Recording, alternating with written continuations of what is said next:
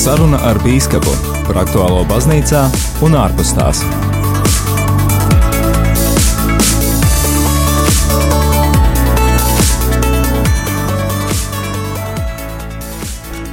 Es esmu sveicināts, darbais radio Marija Latvijas klausītāji. Es esmu sveicināts. Ir pirmdiena, 21. decembris, mēnešā trešā pirmdiena, un Adventa jau ceturtā nedēļa. Adventa ceturtā nedēļa. Pavisam, pavisam drīz jau arī Kristus dzimšanas svētkus svinēsim. Bet eh, šajā brīdī, kā jau dzirdēju arī džinglā, laiks kādam ļoti īpašam raidījumam. Noteikti ir nozīme tam, ka tu minēji, ka šī ir mēneša trešā pirmdiena. Jā, patiešām klausītāji, kas ar mums ir jau ilgāku laiku, droši vien ir pieraduši, apraduši ar to, ka šajā brīdī, jeb mēneša trešajā pirmdienā, pulksten 17.00, mums ir iespēja tikties ar kādu no Latvijas biskupiem un tad arī viņam uzdot mums interesējušus jautājumus. Pēc brīža arī atklāsim noslēpumu, kas tad ir mūsu šīs dienas viesis, kurš no Latvijas biskupiem, bet vispirms par tēmām, kuras mēs vēlamies arī ar biskupu šodien pārunāt. Jā, varbūt arī pieminam to, ka tev klausītāji ir iespēja vēl iesūtīt savu jautājumu, ja nu tev kāda aktuāla lieta un pavisam uh, interesē uzzināt, jo drīz no biskupa, uh, tad uh, vari atsūtīt to īsiņā. Un tālruņa numurs studijā ir 266 77 272. Tātad tālruņa numurs 266 77 272. Studija būs arī sazvanāma. Numurs studijā ir 67 969 131. Un, protams, arī studijas e-pasts ir tavā rīcībā studija at rml.lv. Jā, bet nu tad īsumā, kas tad ir tie jautājumi, kuri mums ir padomā, ko mēs vēlamies uh, biskupam, šodienas viesim, uh, uzdot? Šogad uh, oktobrī pāvests Francisks ir izdevis savu nu jau trešo encikliku Fratelli Tutti. Vēlamies uzzināt arī, kāds ir šīs enciklikas, kāda ir šī nozīme šodien. Fratelli Tutti, nes, ko tas nozīmē? Nu, jā, par to mēs noteikti parunāsim. par to mēs parunāsim. Jā. Noteikti arī parunāsim par, par Jāzepa gadu. Pāvests Francisks šo nākamo baznīcas gadu ir izsludinājis par uh, Svētā Jāzepa gadu, un tad, nu, ko tad tas nozīmē, un kāpēc tāds izsludināts, un ko tad īpaši tajā darīt, vai ne? Jā, un mūsu kolēģi no Radio 5 šogad akcijā Dot 5 pievērš uzmanību vardarbībai ģimenē, un mums tad arī noteikti būtu vērts parunāt par to, kādas tad vadlīnijas arī baznīcā Latvijā ir izdotas saistībā ar vardarbības izskaušanu, vai tādas vispār ir, un ja ir, tad kur ar tām var iepazīties? Jā, tāpat, protams, tad atlikušo adventu laiku prasīsim kādu padomu, kā pavadīt pēdējās dienas, un jo kvalitatīvi sagatavoties Kristus dzimšanas svētkiem. Tie šogad arī būs citādāk kā ierasts, vai ne? Jā, es domāju, ka lielai daļai pat ļoti citādāki, un tādēļ varbūt arī bīskapa norādījumu, kā tad labāk šajos jaunajos, neparastajos apstākļos šos svētkus piedzīvot. Par šiem un citiem jautājumiem mēs runāsim šodien ar viņa ekscelenci Liepājas diecēzes bīskapu Viktoru Stulpinu, lai ir slavēts Jēzus Kristus. Mūžīgi mūžam. Paldies, ekscelence, ka devāt iespēju klausītājiem uh, šodien jūs dzirdēt, un tad nu, mums daudz jautājumu, kurus pārunāt. Un... Eh, es, es domāju, ka mūsdienas situācija ir nedaudz atvieglo to, ka nu, parasti ierasts mums bija, kā viesi bija klātienē, brauc uz šejieni, un tad, un tad arī likās tā, nu, ja nevar tikt, tad arī uzreiz tā raidījums nevar sanākt, bet tagad arvien vairāk ierodam pie šīm tehnoloģijas iespējām, kas sniedz iespēju arī attālināti būt vienotiem. Tāpēc, ekscelences, liels paldies, ka esat atbrīvojis laiku un esat šeit kopā ar mums un klausītājiem. Jūs jau dzirdējāt arī tos dažus jautājumus, kuriem tad iesim cauri, bet mēs gribētu sākt ar tādu tēmu, kā jums. Pavisam nesen Latvijas biskupiem bija biskupu konference. Kādi ir tie galvenie temati, kādi ir galvenie jautājumi, ko, kam tad jūs izgājat cauri, ko jūs runājat biskupu konferencē? Labs jautājums. Man prieks, ka interesē tādas lietas arī. Tie jautājumi bija jau cieši saistīti ar to, ko jūs jau te anonsā izteicāt. Uh, Tur bija gan par Jāzepa gadu, gan arī par, par, par citām lietām, kas saistīvi konkrēti par, par, par nu, pēdējā laikā kā izskanējušiem tiem jautājumiem, kas saistās ar valsts ieņēmumu dienestu un, un vēl, vēl citas lietas. Es tā mēģināšu arī šo vēstuli, kas tika publicēta medijos, kā mūsu tādas atbilde varbūt uz atversmes tiesas eh, spriedumu 12. novembrī.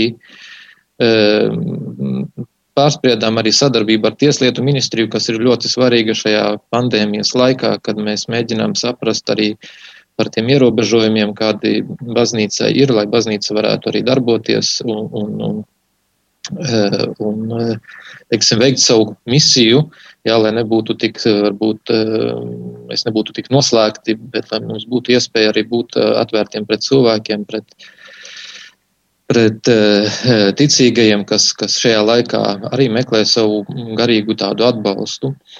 Tad arī par, par, par to, kad ir iznākuši arī jau daži vēstījumi no pāvesta, kas attiecās uz uz, uz gavēņa laiku, kas būs, nu, būs runa par, par to, ka ir vajadzīgi tulkojumi e, e, un par sakrālā mantojuma programmu un vēl tādas e, lietas, kas, kas varbūt ir arī tīri tādas mūsu iekšējās lietas, kas saistās arī ar sadarbību ar kaut kādiem ārzemju organizācijām, kā teiksim ar Eiropas bīskapu konferenci, E, un, un Eiropas biskupu konferences komisiju pie Eiropas Savienības. Tātad tur tādas arī tādas tīri tehniskas lietas, kas attiecās uz, uz, uz biskupu kalpojumu.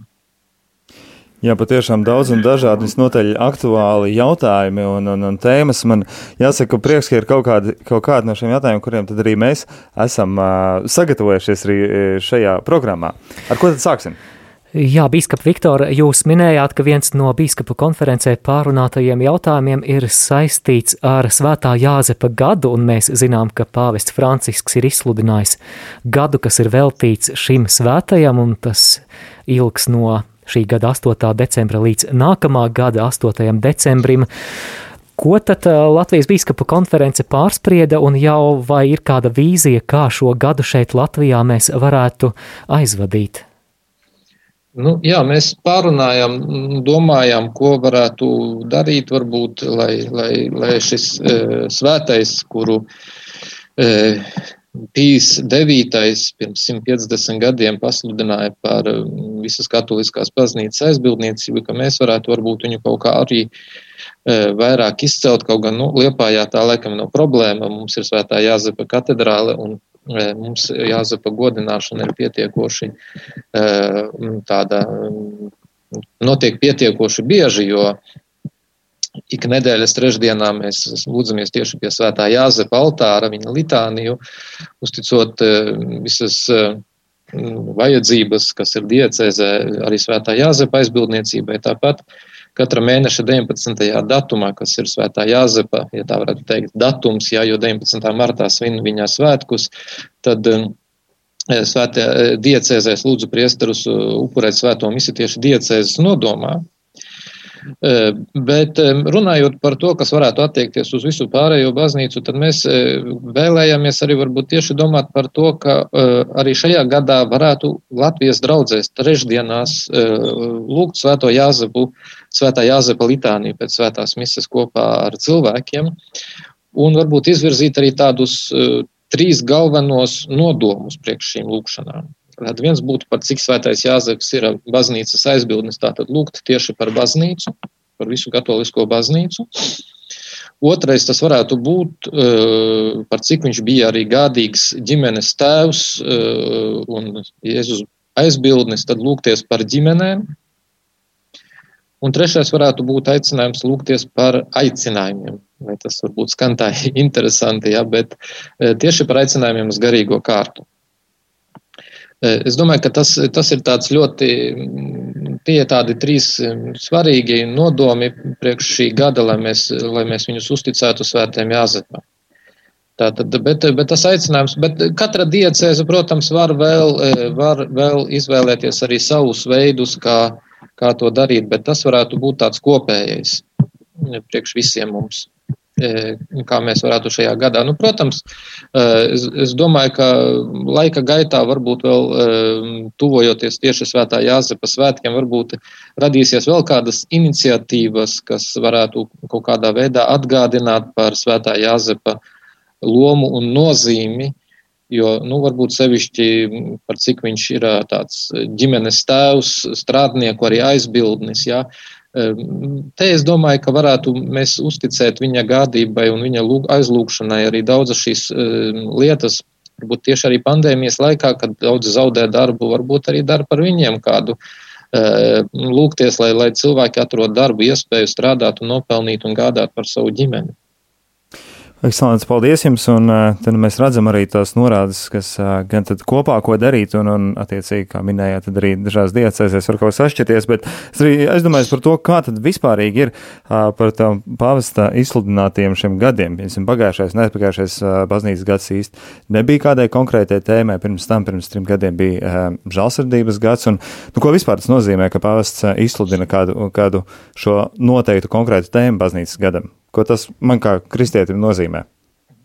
Nu, e, tas vairāk saistās ar to, kas ir bībeliski saucamie tie jubilejas gadi, e, kas saistījās ar to, kad e, cilvēks tika laists, vergs tika laists brīvībā, ja, kad viņš varēja izvēlēties dzīvot kā brīvs cilvēks. Un tādus jubilejas gadus mēs svinam ik pa brīdim. Un arī šis tā tad ir sava veidā tāds jubilejas gads, kad eh, tas saistās arī eh, ar eh, zināmām atlaidām un, un ar, ar zināmām atlaidām un ar to, ka cilvēks lūdzoties var iegūt arī priekš sevis tādu brīvību no, no, no grēka un no grēka sekām, kas ir. Un es domāju, ka tieši uz to mums vairāk ir jārūpējās par to, lai mēs šajā gadā uh, lūdzoties, eh, kaut kādā veidā arī gandarot, lai mēs izlūgtos sev arī paši sev grēku piedošanu, jo tad arī eh, Dievs darbojas katrā cilvēkā jau, jau īpašā veidā, ja, kad viņš var parādīt savu spēku, ka cilvēkam tiek dota šī atbrīvošana no tā, kas ir ļauns. Un es domāju, ka arī šajā, šajā ziņā mums ir svarīgi, lai arī svētais Jāzeps, kurš sargāja bērnu Jēzu, sargāja arī tādā grūtā brīdī, kad eh, viņam draudēja nāve, kad vajadzēja mukt projām arī. Viņš var būt kā tāds aizbildnis arī baznīcai no visa tā ļaunuma, kas eh, nāk, jo, kā mēs zinām, eh, laiku pa laikam parādās, ka neskatoties uz it kā tādu ārēju brīvību, tomēr kristieši visvairāk tiek vajāti pasaulē. Paldies, ekscelence! Esmu pats personīgi ļoti, ļoti priecīgs par Jāzepa gadu, un man šķiet arī brīnišķīgi lūkšanu nodomi, kas tiek piedāvāti par baznīcu, par ģimenēm, par aicinājumiem, tad nu svinēsim šo svētā Jāzepa gadu arī Radio Marija ēterā. Bet tā kā jautājumu daudz, tad ķeramies klāt nākamajai tēmai. Šī gada 3. oktobrī pāvests Francisks parakstīja savu trešo encikliku Fratelli Tutti, jeb visi brāļi, par brālību un sociālo draudzību. Vai īsumā, ekscelence, varat dalīties varbūt savās domās par šīs, eks, par šīs eh, enciklikas vēstījumu un kāda tad būtu šī vēstījuma nozīme šodien pasaulē? Nu, ziniet, tās sociālās encyklikas, kas ir, viņas vienmēr izraisa cilvēkos tādu pārsteigumu. Sevišķi tad, kad sāc runāt par vārdu sociālais, tad uzreiz saistās viss kaut kā ar sociālismu, ar sociālistisko, un, un tad domā, kāpēc varbūt eh, ar to vajag vispār nodarboties baznīcē. Bet eh, kā jau eh, pāvesta Franciska priekšgājais Leons 13., kurš izdeva šo pirmo sociālo encykliku Rerum Novarum, runāju par jaunām lietām, tad mm, es domāju, ka ir svarīgi, ka tomēr baznīca arī pateiktu savu vārdu šai ziņā, lai nebūtu tā, ka mēs eh, varbūt domājam tikai par, par, par debesu lietām, bet uz šīm debesu lietām mēs tomēr ejam caur šīs zemes dzīvi. Mums ir jādzīvo šeit virs zemes, un mums ir vajadzīgi arī zināmi norādījumi, eh, kā arī tādā parastajā ikdienas dzīvē kristietim eh, rīkoties, kā reaģēt uz dažādiem notikumiem. Un es domāju, ka šī pēdējā pāvestā uh, encyklika, kas saucās Fratelli Tutti, visi brāļi, ka tas ir tāds pamudinājums arī domāt par to, kā mums iet šo ceļu, lai mēs tomēr piedzīvotu tādu savstarpējo brālību, ka mēs mācētu viens otram izpalīdzēt, mēs mācētu pamanīt viens otra vajadzības un tādā veidā palīdzētu viens otram arī šī zemes dzīvē dzīvojot, iet ceļu uz dabasu valstī. Arī piedzīvot tās visas norises, kas ir pasaulē, jo pasaule varbūt bieži vien ir tā sauc sevi par kristīgu, bet man patīk viens tāds salīdzinājums ir, kad saka, Mēs varbūt sevi dažkārt saucam tiešām par kristiešiem, mēs esam kristīti, bet reizēm mēs esam tā kā tāds akmens. Akmeni iemet ūdenī, no ārpuses viņš ir slapjš, bet iekšpusē viņš paliek akmens. Ja?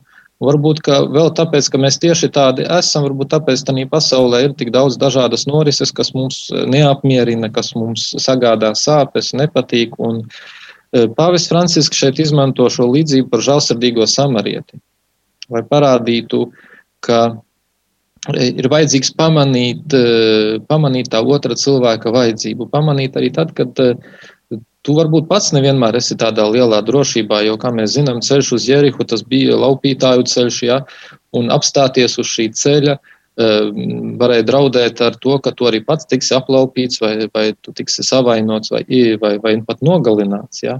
Tad pāvis izmanto šo uh, Kristus līdzību, uh, Eh, lai parādītu, ka nevajag baidīties arī pakļaut reizēm sevi kaut kādām, varbūt tādām eh, no tīri cilvēciskā viedokļa, kādām briesmām, bet eh, palīdzēt tam otram tuvākam, parādīt tādu brālību pret, pret šo otru cilvēku, kurš ir kādās vajadzībās, kurš ir trūkumā, kurš ir nonācis smagākā dzīves situācijā. Un es domāju, ka tā ir šī, šī svarīgākā vēsts, ko pāvis vēlās pateikt šajā enciklikā.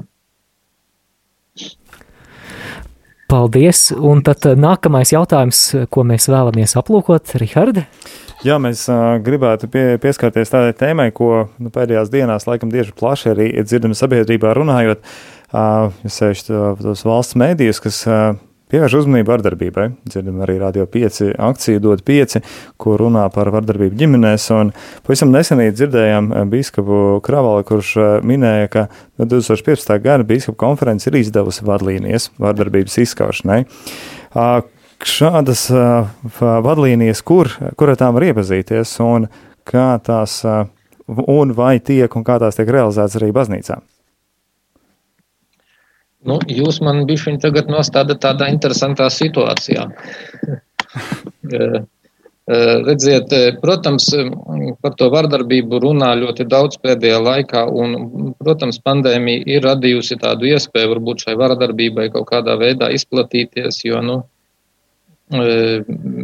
ir, ir, ir šī cilvēku dzīve kopā, un, un, un nevienmēr tā sadzīve ir tik vienkārša un tik viegla, kā jau es minēju, varbūt arī kāds paliek bez darba un, un cilvēks ir ehm, satraukts un, un viņš nevar ar, varbūt tikt ar sevi galā un bieži vien no tā cieši viņa tuvinieki. Un, ehm, protams, ir, ir vadlīnijas, taču šīs vadlīnijas, par kurām runāja Bīskaps Andris, Viņas arī saucās tieši tā kanoniskās pirms izmeklēšanas, jeb sākotnēji pārbaudēji gadījumos, kad garīdznieks tiek apsūdzēts noziegumos pret sasto bausli ar nepilngadīgo, kurš ir jaunāks par 18 gadiem. Tās bija šīs 15. gada vadlīnijas, kas e, tika izdotas. Tā kā varbūt tās netieši saistās ar to vardarbību ģimenē. E, e, bet, diemžēl, tā situācija mainās pietiekoši ātri pasaulē un jau ir bijusi nepieciešamība izstrādāt jaunas vadlīnijas, un mēs patreiz gaidām šo vadlīniju apstiprināšanu no, no, no ticības mācības kongregācijas. Par cik tās vadlīnijas nevar stāties spēkā, kamēr nav apstiprinātas ar kongregāciju. Tā kā jau šī gadā tika izstrādātas jaunas vadlīnijas, un mēs gaidām, tiklīdz būs apstiprināšana, tā mēs domāsim, kā šīs vadlīnijas varētu arī novadīt pie cilvēkiem, lai zinātu, kur, kur griezties attiecīgā gadījumā. Taču Kā jebkuras vadlīnijas, viņas vienmēr paredz, ka vispirmais jau tā tad ir jāgriežās tieši pie draudzes prāves, tad pēc tam tā tad, ja netiek galā, tad ir bīskaps, un tad ir konkrēti jau bīskaps nozīmē arī kādu, kas varbūt šīs lietas izskata. Bet tas, es saku, vairāk saistās tieši ar šīm, šiem skandāliem, kas ir bijuši baznīcā. Par tādām precīzi vadlīnijām konkrēti, kā rīkoties tādos Tanīs ģimenes vardarbības gadījumos mums īsti nav. Bet pie tā tiek strādāts. Nu, droši vien, ka būs pie tā jāstrādā, jo tas ir jautājums, kurš ir pietiekoši plats. Īstenībā nu, mēs strādājam, viena tāda neliela darba grupa strādājam pie tādas programmas, prevencijas programmas, kuru varētu apgūt Rāzijas studenti. Viņa vēl patreiz tiek izstrādāta šī programma. Mēs sadarbojamies arī ar Dārdedzi, ar tādu, o, kā viņi saucās, tā ir organizācija Dārdedze, jā, bet kā viņi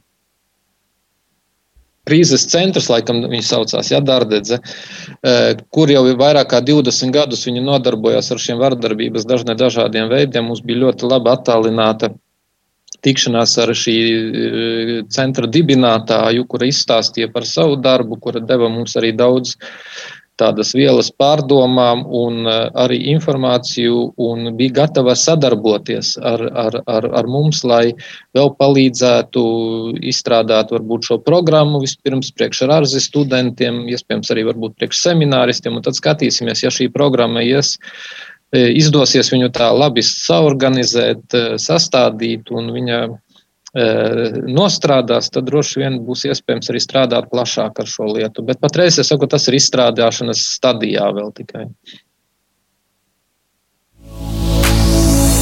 Izskanēja raidījums Saruna ar Bīskapu par aktuālo baznīcu. Nu, re, neizskanēja raidījums, tā ir, kad neīsto džinglu palaiž, bet uh, defekts par efektu. Es ceru, ka kādu, kurš varbūt jau iesnaudies šajā vēlējā pēcpusdienas stundā, tas es domāju. Ka diez, domāju, ka diez vai pie tik aktīvām tēmām un interesantām un jautājumiem cilvēki varētu iesnausties. Un paldies, paldies ekscelencei biskupam Viktoram Stulpinam par to, ka šodien ir pievienojies mūsu raidījumam.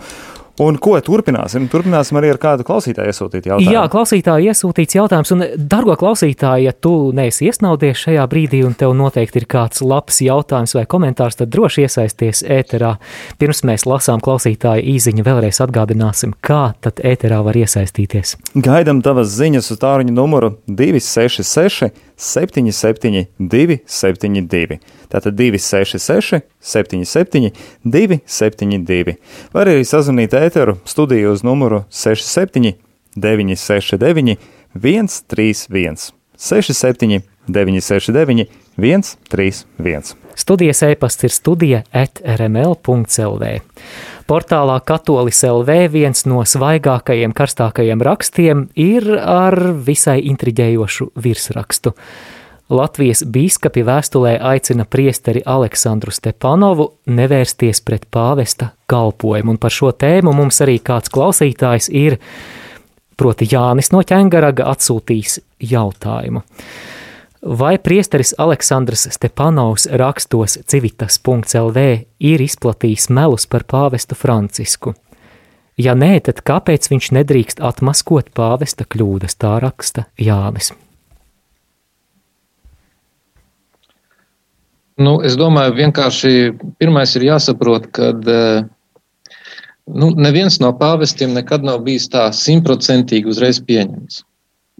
Katram pāvestam ir, mēs varam atrast kādu opozicionāru, kurš mēģina nostāties pret, kā mēs zinām, arī pret Jāni Pāvilu II pavisam nesen, pirms pāris gadiem, te jau pat sāka izvirzīt dažās valstīs tādu lietu, ka varētu viņu, e, kā tas ir, noņemt no svētajiem.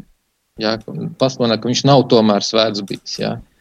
E, ir, ir, ir vienmēr kāda opozīcija. Un, e, man liekas, ka šeit ir nevis tā vaina par to, ka var, nevar, var vai nevar kritizēt, bet vienkārši ir tāda tendence reizē meklēt tikai to, kur ir dubļi, tur, kur ir kaut kas netīrs. Tur, kur ir kaut kas varbūt eh, nezinu, tāds, ko, ko, ko jebkuram var atrast cilvēkam. Un eh, es domāju, ka šeit priesteris Aleksandrs eh, ir vienkārši, varbūt arī tieši šajā pandēmijas laikā, kad ir, kā mēs zinām, daudz sastopamies ar dažādām visām šīm sazvērestības teorijām, varbūt ir uzķēries vienkārši uz tāda, ja tā var teikt, viļņa, atradis šo šo tādu kanālu, kurš kritizē pāvestu un vienkārši ņem no tā visu, kas, kas vien var būt sliktākais. Jo vienmēr jau jebkuriem meliem kaut kāda teiksim, sakne patiesībā ir, bet tos, to, to patiesību var sagrozīt vienmēr arī kaut kādā veidā. Tā kā, tā kā cilvēkam vajag, tā kā viņš grib, tā kā viņš to saredz. Un man ir žēl vienkārši, ka tā ir noticis, ka mums bija jāpublicē šī vēstule. Un šajā vēstulē mēs atsaucamies arī uz vienu Jāņa Pāvila otrā dokumentu, Donum Veritatis, šķiet viņš saucās, kurā, aicin, kurā ir šis aicinājums, ka teologs, kurš varbūt kaut ko, ja tā var teikt, kur viņa domas nesaskan ar maģistēriju, Eh, ka viņš nav aicināts uzreiz izmantot sociālos uh, saziņas līdzekļus, lai šīs domas savas paustu, bet lai meklētu uh, risinājumu un lai meklētu skaidrojumu un lai arī ieietu tādā zināmā mērā arī klusumā un lūkšanā, mēģinot uh, varbūt tieši caur lūkšanu un, un caur to nenodarīt, tiksim, tādu, nenodarīt pāri ticīgiem cilvēkiem, kad viņš e, mēģina e, šīs savas domas, kuras viņam nesaskan ar, ar, ar baznīcas mācību, izteikt uzreiz un, un, un dalīties un mudināt, e, varbūt arī rīkoties kaut kā pret pāvestu, ja tā varētu teikt. Tāpēc es domāju, šeit ir tas svarīgākais, jo mūsu doma jau rakstot šo dokumentu bija tieši tādēļ, lai Nevis, lai viņu kaut kādā veidā uzreiz apsūdzētu, nonicinātu, e, pateiktu, ka viņš, e, ka viņš e, nav, nav labs priesteris. Ja? Nē, tieši ir otrādi. Tā, tas ir ar tādu domu, lai, lai palīdzētu, varbūt, un mēģinātu kaut kādā veidā viņam palīdzēt atgriezties tādā baznīcas mācībā lai, lai saprastu tiešām, ka nevienmēr ir jālasa visus opozicionārus. Jo, ja jūs ieietu kaut vai, teiksim, tādā pašā internetā, eh, YouTube, jūs varat ierakstīt, eh, kur, kurš pāvests nav antipāvests. Tur jūs atradīsiet veselu sārakstu ar visiem pāvestiem, kas ir bijuši iepriekš, kuri visi ir pasludināti par antipāvestiem. Ja? Uh, Kāds, kuram kaut kas eh, vienkārši nav paticis konkrētajā pāvestā, viņš domā, ka tas jau ir, tas jau ir tāpēc uzreiz antipāvests. Ja? Es domāju, ka šeit ir jābūt tiešām ļoti uzmanīgam un mūsu kā bīskapu vēlme tiešām nav, es uz vēlreiz uzsveru, nav e, nonicināt, kaut kādā veidā apkaunot priesteri Aleksandru, bet ir, tas ir mēģinājums vienkārši, eh, lai pasargāt arī ticīgos varbūt no tādām maldīgām lietām un reizē mēģināt arī šim priesterim palīdzēt uh, uzturēt uh, saikni ar baznīcu. Jā, man patika šī jūsu doma, ka mums ir tāda tendence bieži vien pievērsties tieši tiem dubļiem, bet tomēr atgriežoties pie šī Jāņa jautājuma, vai mēs varam teikt, ka to dubļu tur vispār nav?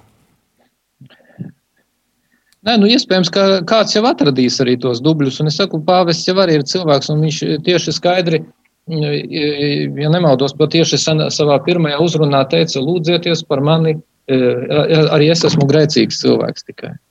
Arī Pēters bija grēcīgs cilvēks, arī Pēters um, saņēma daudz aizrādījumu, ja, un arī viņa dzīvē pietika visa kaut kā. Un nebija nemaz tik viegla dzīve Pēterim, kurš ir pirmais pāvests. Ja. Es domāju, ka varētu atrast, varbūt, bet uh, pāvesta ideja uh, ir, ir jāmēģina saprast arī, domāju, tieši tas, no kuras vidas viņš nāk. Jā, mēs zinām, kāda ir Latīņa Amerika, kāda ir Latīņa Amerikas uh, arī tā teoloģiskā doma, kura tomēr atšķirās no mūsu eiropeiskās. Jā. Viņa, ir, viņa nav, nav teiksim, tāda, ka pavisam sveša pretēja kaut kāda nesaskanīga, bet bet e, kā, kā jebkurā vidē viņa var veidoties e, drusciņi atšķirīgi. Bet tomēr paliekot vienotībā ar baznīcu. Jā, varbūt e, pēdējais papildu jautājums par šo tēmu. Varbūt tikai tāds gadījums iz dzīves un, un kā šajā kontekstā labāk un katoliskāk rīkoties. Piemēram, protestantu draugs uh, sāk man pārmest, ka jūs, katoļi, pielūdza telkus, un tad vēl parāda YouTube video, kur, kur Svētā Pētera bazilikā Vatikānā uz altāra tiek noliktas Amazonas zemes dievietes pačamamas statujas, un vai man mēģināt aizstāvēt, vai, vai klusēt, vai, vai, vai ko darīt? Es domāju, Jā. paņem vienkārši izlasi Kverīdā Amazonijā.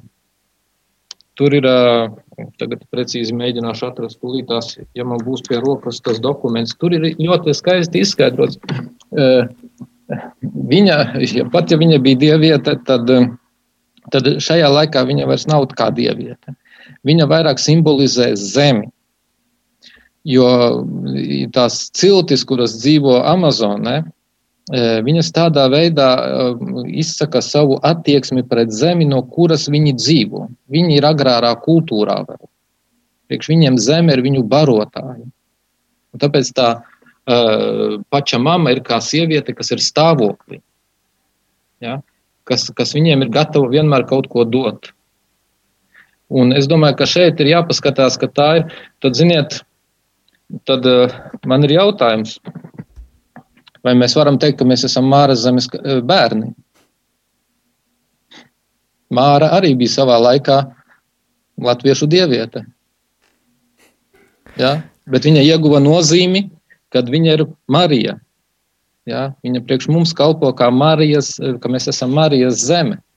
Un tāpat arī šeit es domāju, ka vajadzētu paskatīties uz to ne tikai kā uz, uz, uz tādu dievieti, bet tā vairāk izsaka eh, šo cilvēku attieksmi pret eh, zemi, kurā viņi dzīvo.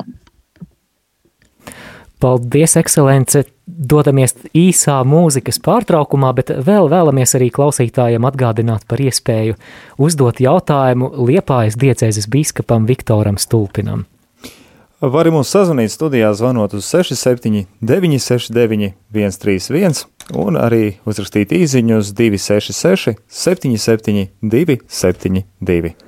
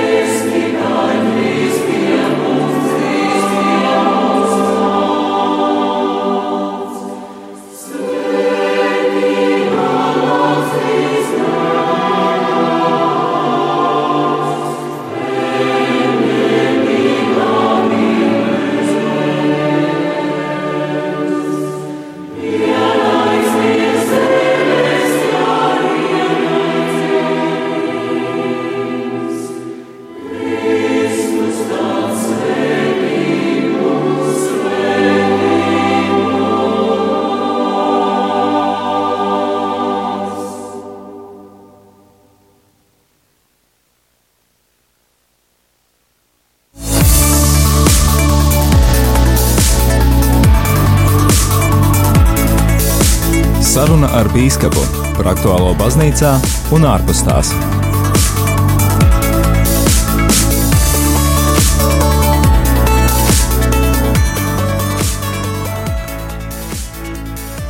Raidījums saruna ar bīskapu tajā kopā ar tevi studijā. Šeit es Rihards Miķelsons.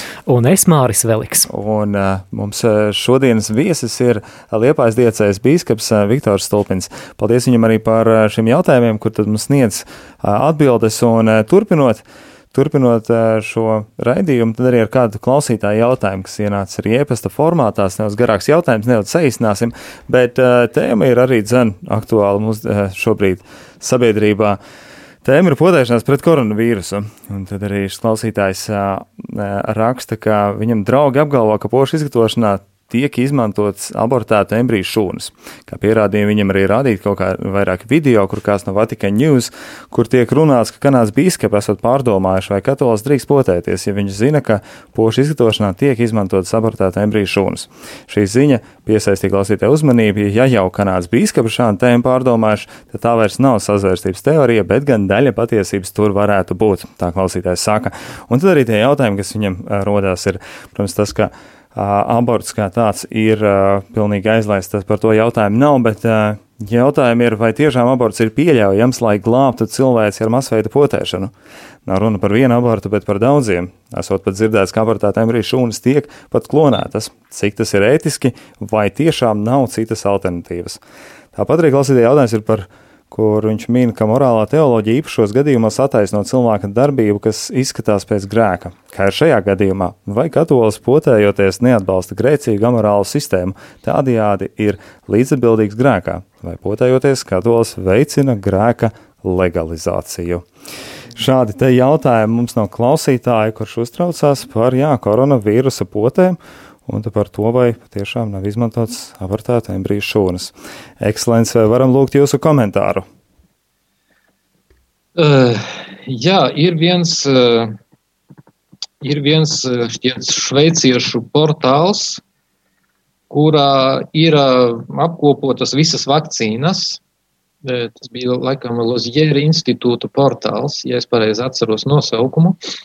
Un tur var paskatīties, viņiem ir ar sarkanu bultiņu, tad tās ir, kuri tiek izmantotas šīs eh, tieši bēr, abortēto bērnu šūnas, un ar zaļu ir eh, apzīmētas tās, kura, eh, nu, var, varbūt pat, ja tur ir bijis, bet tas ir netieši, netieši izmantots tās abortēto bērnu šūnas. Par tām potēm, par kurām iet runa pie mums, patreiz izskatās, ka lielākā daļa no tām vakcīnām, kas ienāk Latvijā, ka tās tomēr būs pietiekoši drošas attiecībā šajā jautājumā. Ja. I, i, vēl vēl nav, nav pilnībā droši. Mēs vēl īsti nezinām, arī kādas tiks īsti iepirktas. Patreiz, cik es skatījos, pēdējais bija runa par to Pfizer un BioNTech. Uh, vakcīnām, kas ir ienākušas Latvijā jau laikam un ar kurām jau tūlītās sola, ka varētu būt nu, notikt potēšana. Tad, tad es domāju, par to mēs varētu būt patreiz droši, bet runājot par to, ko rakstīja Kanādas bīskapi, ka es saprotu, ka, ka, ka šīs potes, kurās ir izmantotas, bērnu šūnas, abortēto bērnu šūnas, ka nu, viņi nesaka, ka tās var tā brīvi izmantot, tūlīt jebkuru bez izšķirības. Ja? Ka tas nav tāds, nu, kā lai saka, mums bez izšķirības tiešām nu, nedomājot līdzi tam, ne, nesekojot līdzi tam, ko mums potē, ka tā nav jārīkojas. Nē, te ir doma par to, ka tiešām tas var būt ir tikai tādos gadījumos, kad, kad, kad nav, nav iespējams nekas cits, un ka tas uh, tomēr var glābt cilvēka dzīvību. Ja, kad nav nekas cits pieejams, ka tas ir tāds vienīgais veids, uh, tikai tādā veidā to var izmantot. Jo nu, viņi jau pasaka, ka baznīcas mācība liek atšķirt dažādas sadarbības pakāpes ar tik ļaunu aktu, kāds ir aborts kad pastāv nopietnas motīvas, katoļticīgiem ir morāli attaisnojumi tātad izmantot šīs, bet tas ir pastāv nopietnas motīvas. Tas nenozīmē, ka tiešām tā bez izšķirības nav tā, ka nu, e, nedomājot līdzi par to. Es domāju, ka šeit svarīgi tiešām ir saprast, ka mums ir tiesības prasīt e, arī, ja mēs ejam uz, uz potēšanos, ka mums tiktu ieportēta arī tādas zāles, kuras, nu, par kurām mēs esam droši. Un tāpēc varbūt mēs kā biskupu konference vēl neesam eh, devuši arī kaut kādu savu tādu eh, vēstījumu cilvēkiem eh, par to, jo nu, nav skaidrs jau, nu, kuras tās nāks tās vakcīnas pie mums Latvijā. Tikai par tām, kurām mēs zinām, par tām mēs runājam arī. Ja? Un, protams, nekādā veidā te nav doma sadarboties ar, ar kaut kādu tādu ļaunumu, kas ir aborts, ja, kur, kur tiek nogalināti bērni un kur viņu šūnas tiek izmantotas. Tas nekādā veidā ar to nav domāts saistīts. Es domāju, šeit cilvēkiem ir jābūt arī pietiekoši atbildīgiem, un man jau ir nācies runāt, un es redzu, ka ir daudz ļoti tiešām atbildīgi, kas pieiet šai lietai, kas seko līdzi. Es saprotu, ka varbūt vecākiem cilvēkiem būs grūti, jo nu, viņi ir tādā riska grupā, un vai viņi varēs spēs vienmēr to izvērtēt. Bet nu, mēs varam valstī arī tikai pateikt, ko mēs domājam par šīm lietām. Valsts pieņem savus lēmumus. Jā, viņi, viņi, viņi var iegādāties to, ko viņi var iegādāties. Bet tiem, kuriem tiešām ir iespēja izdarīt izvēli, kuri spēj šīs lietas varbūt izšķirt un spēj kādam palīdzēt, mēs aicinām arī tiešām domāt par to, kā izvēlēties šīs vakcīnas, kuras ir drošas, kurās nav šī, šī, šīs, šīs šūnas izmantotas. Paldies, Liels, un eh, prezidēt arī, ka jūs eh, aktīvi sakojat līdzi, tad gribēju arī jautāt, vai ir gaidāms, kad arī būs skaidrs, kur tad būs tās izvēlētas un kuras Latvijai būs tās uh, potas, tas vakcīnas. Es domāju, ka mēs sakosim līdzi. Vai mēs tad... sakosim līdzi jā. un tad pieņemsim lēmumu, kā mēs rīkosimies. Paldies. Nākamā tēma šogad. Kritikas krustugunīs nonāca Bētlemītes aina Vatikānā, un klausītāja Ilze par šo raksta. Uh, Jautājums viņa ekscelencēm bīskapam Viktoram Stulpinam, kā jūs komentētu visnotaļ šokējošo Kristus dzimšanas atveidu Vatikānā? Nu, viena lieta, e, protams, var teikt, var, varam mēs tā e, pavisam tīri cilvēciski un tā no malas teikt, nu, par gaumu jau nestrīdās, un, un, un katram ir sava gaume. Uh, Bet, cik es zinu, tad šī betlēmīte šķiet ir dāvinājums, eh, dāvinājums Ziemassvētkos. Un, eh, nu, katru gadu kāda, eh, kāda valsts vai, vai, vai kādi ieinteresēti cilvēki kaut ko dāvina, lai, lai būtu mm, Pētera laukums izgraznots ar egli, ar šo betlēmītes atainojumu. Šogad, ja nemaldos, tie bija itāļu studenti, kas darbojās tieši ar, ar māliem, un viņi mm, uzdāvināja to pāvestam. Nu, kā tie studenti to redzēja, tā viņi uztaisīja. Protams, e, varbūt šokējoši ir tas, ka tas notiek Pētera laukumā, un, un, un ka varbūt tas ir tāds veids, kas izskatās, nu, netipisks, netradicionāls, varbūt arī jā, priekš, priekš tā, kā bija līdz šim Pētera laukumā, bet mēs redzam, ka tūlīt pat arī tur notiek arī Betlēmīšu izstāde Vatikānā ir atvērta un ir arī pietiekoši skaistas tās Betlēmes. Bet es mēģināju te tā padomāt arī kādreiz, un atcerējos, ka kaut kad 90. gados sākumā Pētera baznīcā bija arī tāda Betlēmīšu izstāde, Es neatceros, no kurienes viņi atceļoja, bet tur bija betlēmītes sataisītas arī pat no datora detaļām. Nu, protams, var skatīties to kā, kā, kā, kā tādu e, kāda cilvēka izpausmi, vēlmi izpausties un parādīt e, nu, no, tiem, no tiem līdzekļiem, kas man ir pieejami, es kaut ko veidoju. Un, protams, droši vien cilvēkam jau bija vislabākie nodomi. Uh, Bet eh, es, es nedomāju, ka tas ir tas, ko, pie kā vajadzētu varbūt eh, pieķerties, domāt par to, ka eh, tāda vai citāda tā betlēme tur ir, bet svarīgākais jau ir tas, tas vēstījums, ko tas dod arī, ja? ka tas atklāja šo, šo Kristus dzimšanu. Jā, katrā, katrā vietā un katrā, katrā laikā varbūt arī kaut kā savādāk tas var izpausties. Te, es domāju, te ir tā mākslinieku, mākslinieku izpausme. Protams, viņai kādreiz senākos laikos bija drusku vairāk cenzēta tā, tā arī tā, teiksim, kristīgā māksla. Ja? Varbūt vienā brīdī viņai tika dot arī zināma brīvība, un dažkārt vēl to mēs aizvien redzam, ka tas parādās, ka tā brīvība varbūt tādi kanoni nepastāv vairāk. Ja? Uh, Vai tas ir labi, vai tas ir slikti? Tas ir tāds jautājums, ko es domāju, nu, to novērtēs bieži vien laiks. Paldies, Lās Akslēns. Mums laiks, diemžēl, nepielūdzams skrienas priekšu, un vēl vairākas tēmas, kurām gribam pieskārties. Tāpēc es teikšu, steigsimies pie nākamās aktualitātes arī sabiedrībā, un arī jūs pieminējat, ka biskupu konferencē par to runājuši. Tas ir tēma par satversmes tiesas pieņemto lēmumu, kad vecākam numur divi tika ieņemts bērnu košanas, iedot bērnu košanas atvaļinājums, kas līdz šim bija bijis tikai tēvam, un tas citiem rada bažas arī par šo tiesisko tādu ģimenes redzējumu. Un vai mums ir pamats bažām vai kāds jums komentārs no biskupu konferences puses? Minējāt, arī esat ar. Nu, es domāju, ka runājuši. mēs uzrakstījām šo vēstuli, un, un, un vēl parādījās arī vēlāk, ka tas, ka arhibīskaps Zbigņevs bija šī sociālo un darba lietu komisija, un viņš runāja par to, kā varētu varbūt risināt tās grūtības, kas ir varbūt tām ģimenēm, kuras nav izveidojušas, atvainojos nevis par ģimenēm, bet tiem cilvēkiem, kuri nav izveidojuši ģimeni, ka viņi vēlās sakārtot arī kaut kādas šīs savas, savā starpā saistības un, un, un uzņemties arī atbildību viens par otru. Jā, viņa piedāvājums tika dots, bet tur, kā mēs redzam, arī jau ir interpretācija aizgājusi, par kur, kur arhibīskapam nācās arī drusku skaidrot par to, ka viņa vārdi ir nepareizi mm, e, nointerpretēti. Ja? Bet svarīgākais, es domāju, ka sabiedrība ir pozitīvi tas, ka sabiedrībā ir aizvien šie cilvēki, kuri, kuri, kuri arī rūpējas par to, lai šīs ģimenes e, lietas, kādas tās ir dabiski no dieva iestādītas, ka viņas tomēr tiktu sargātas. Mēs redzam, ka ir parādījies arī šis memorands, kurā tiek aicināti parakstīties par to, lai saglabātu dabisko ģimeni. Un e, šī mūsu vēstule bija ne tikai, ne tikai šai sociālo un darbu lietu komisijai, bet viņa aizgāja arī valsts prezidentam, viņa aizgāja arī premjerministram, viņa aizgāja arī saimas priekšsēdētājai. Tā ka mēs centāmies tā, lai šī vēstule sasniedz pēc iespējas vairāk augstāk stāvošus cilvēkus, kuriem ir teikšana.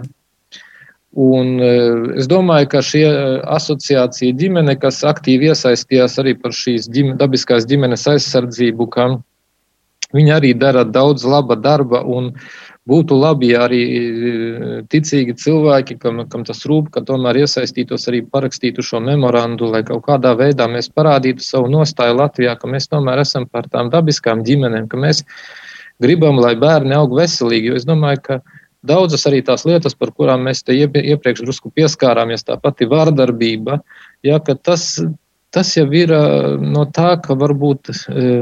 E, nav tādas īsti veselīgas ģimenes. Kaut kas e, šajā visā ir nogājis greizi. Ir, ir nogājis greizi cilvēku attiecībās.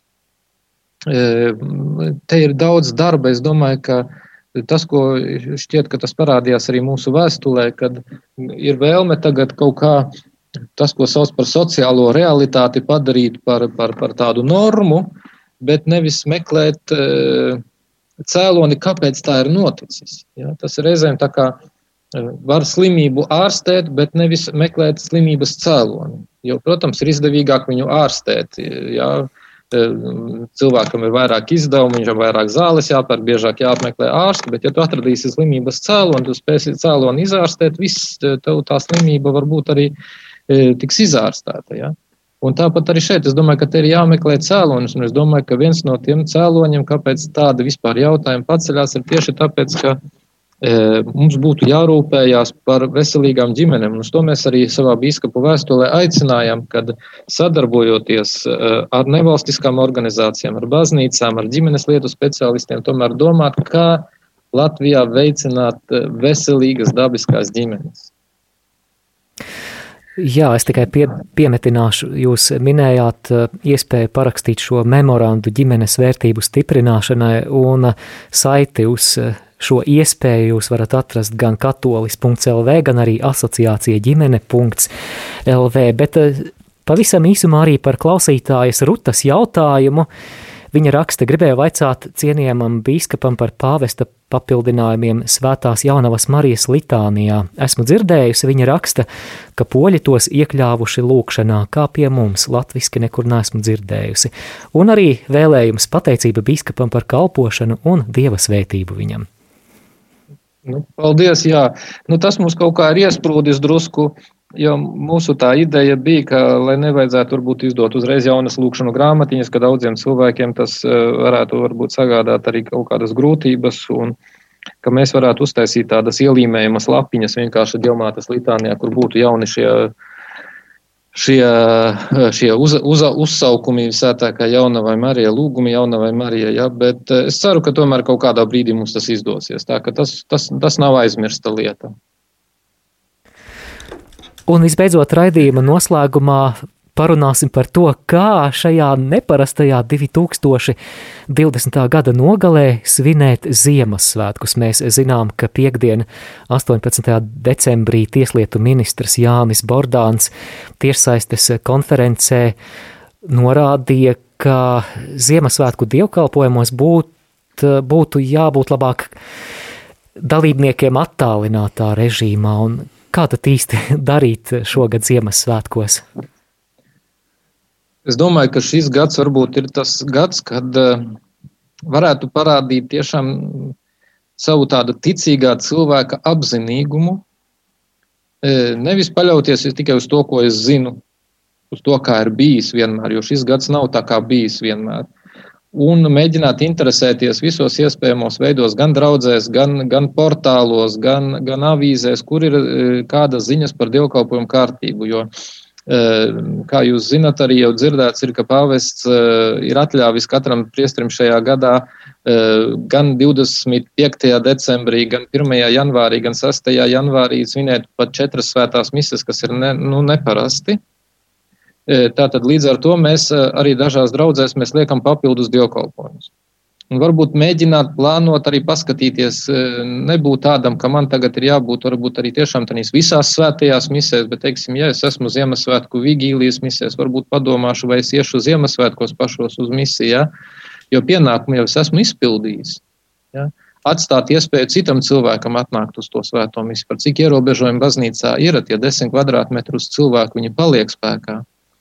Otra lietiņa, ko es domāju, ir eh, tiešām interesēties par to dievkalpojumu, vai kāds papildus dievkalpojums nav kādā draudzē vēl šajā ziņā, ir, lai varētu, teiksim, nevis iet kā parasti, teiksim, ja cilvēks gāja uz 9 vai gāja uz 11, bet varbūt ieplānot kādā draudzē ir kaut kur vienos vai, vai citā laikā vēl kāds papildus dievkalpojums, varbūt aiziet uz to.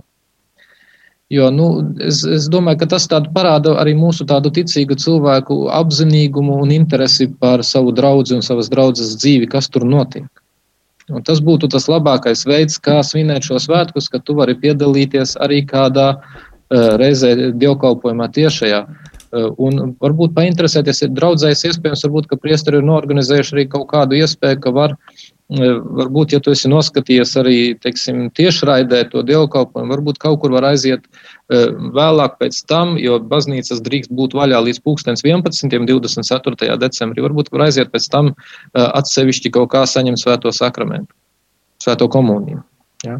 Vienkārši interesēties, prasīt priesteriem, ko, kā mēs varam to visu izdarīt. Ja, jo reizēm nevajag paļauties, es saku, šis gads nav parasts gads, un nevajag para, paļauties uz to, ka būs tā, kā bija parasti. Tas ir mans aicinājums.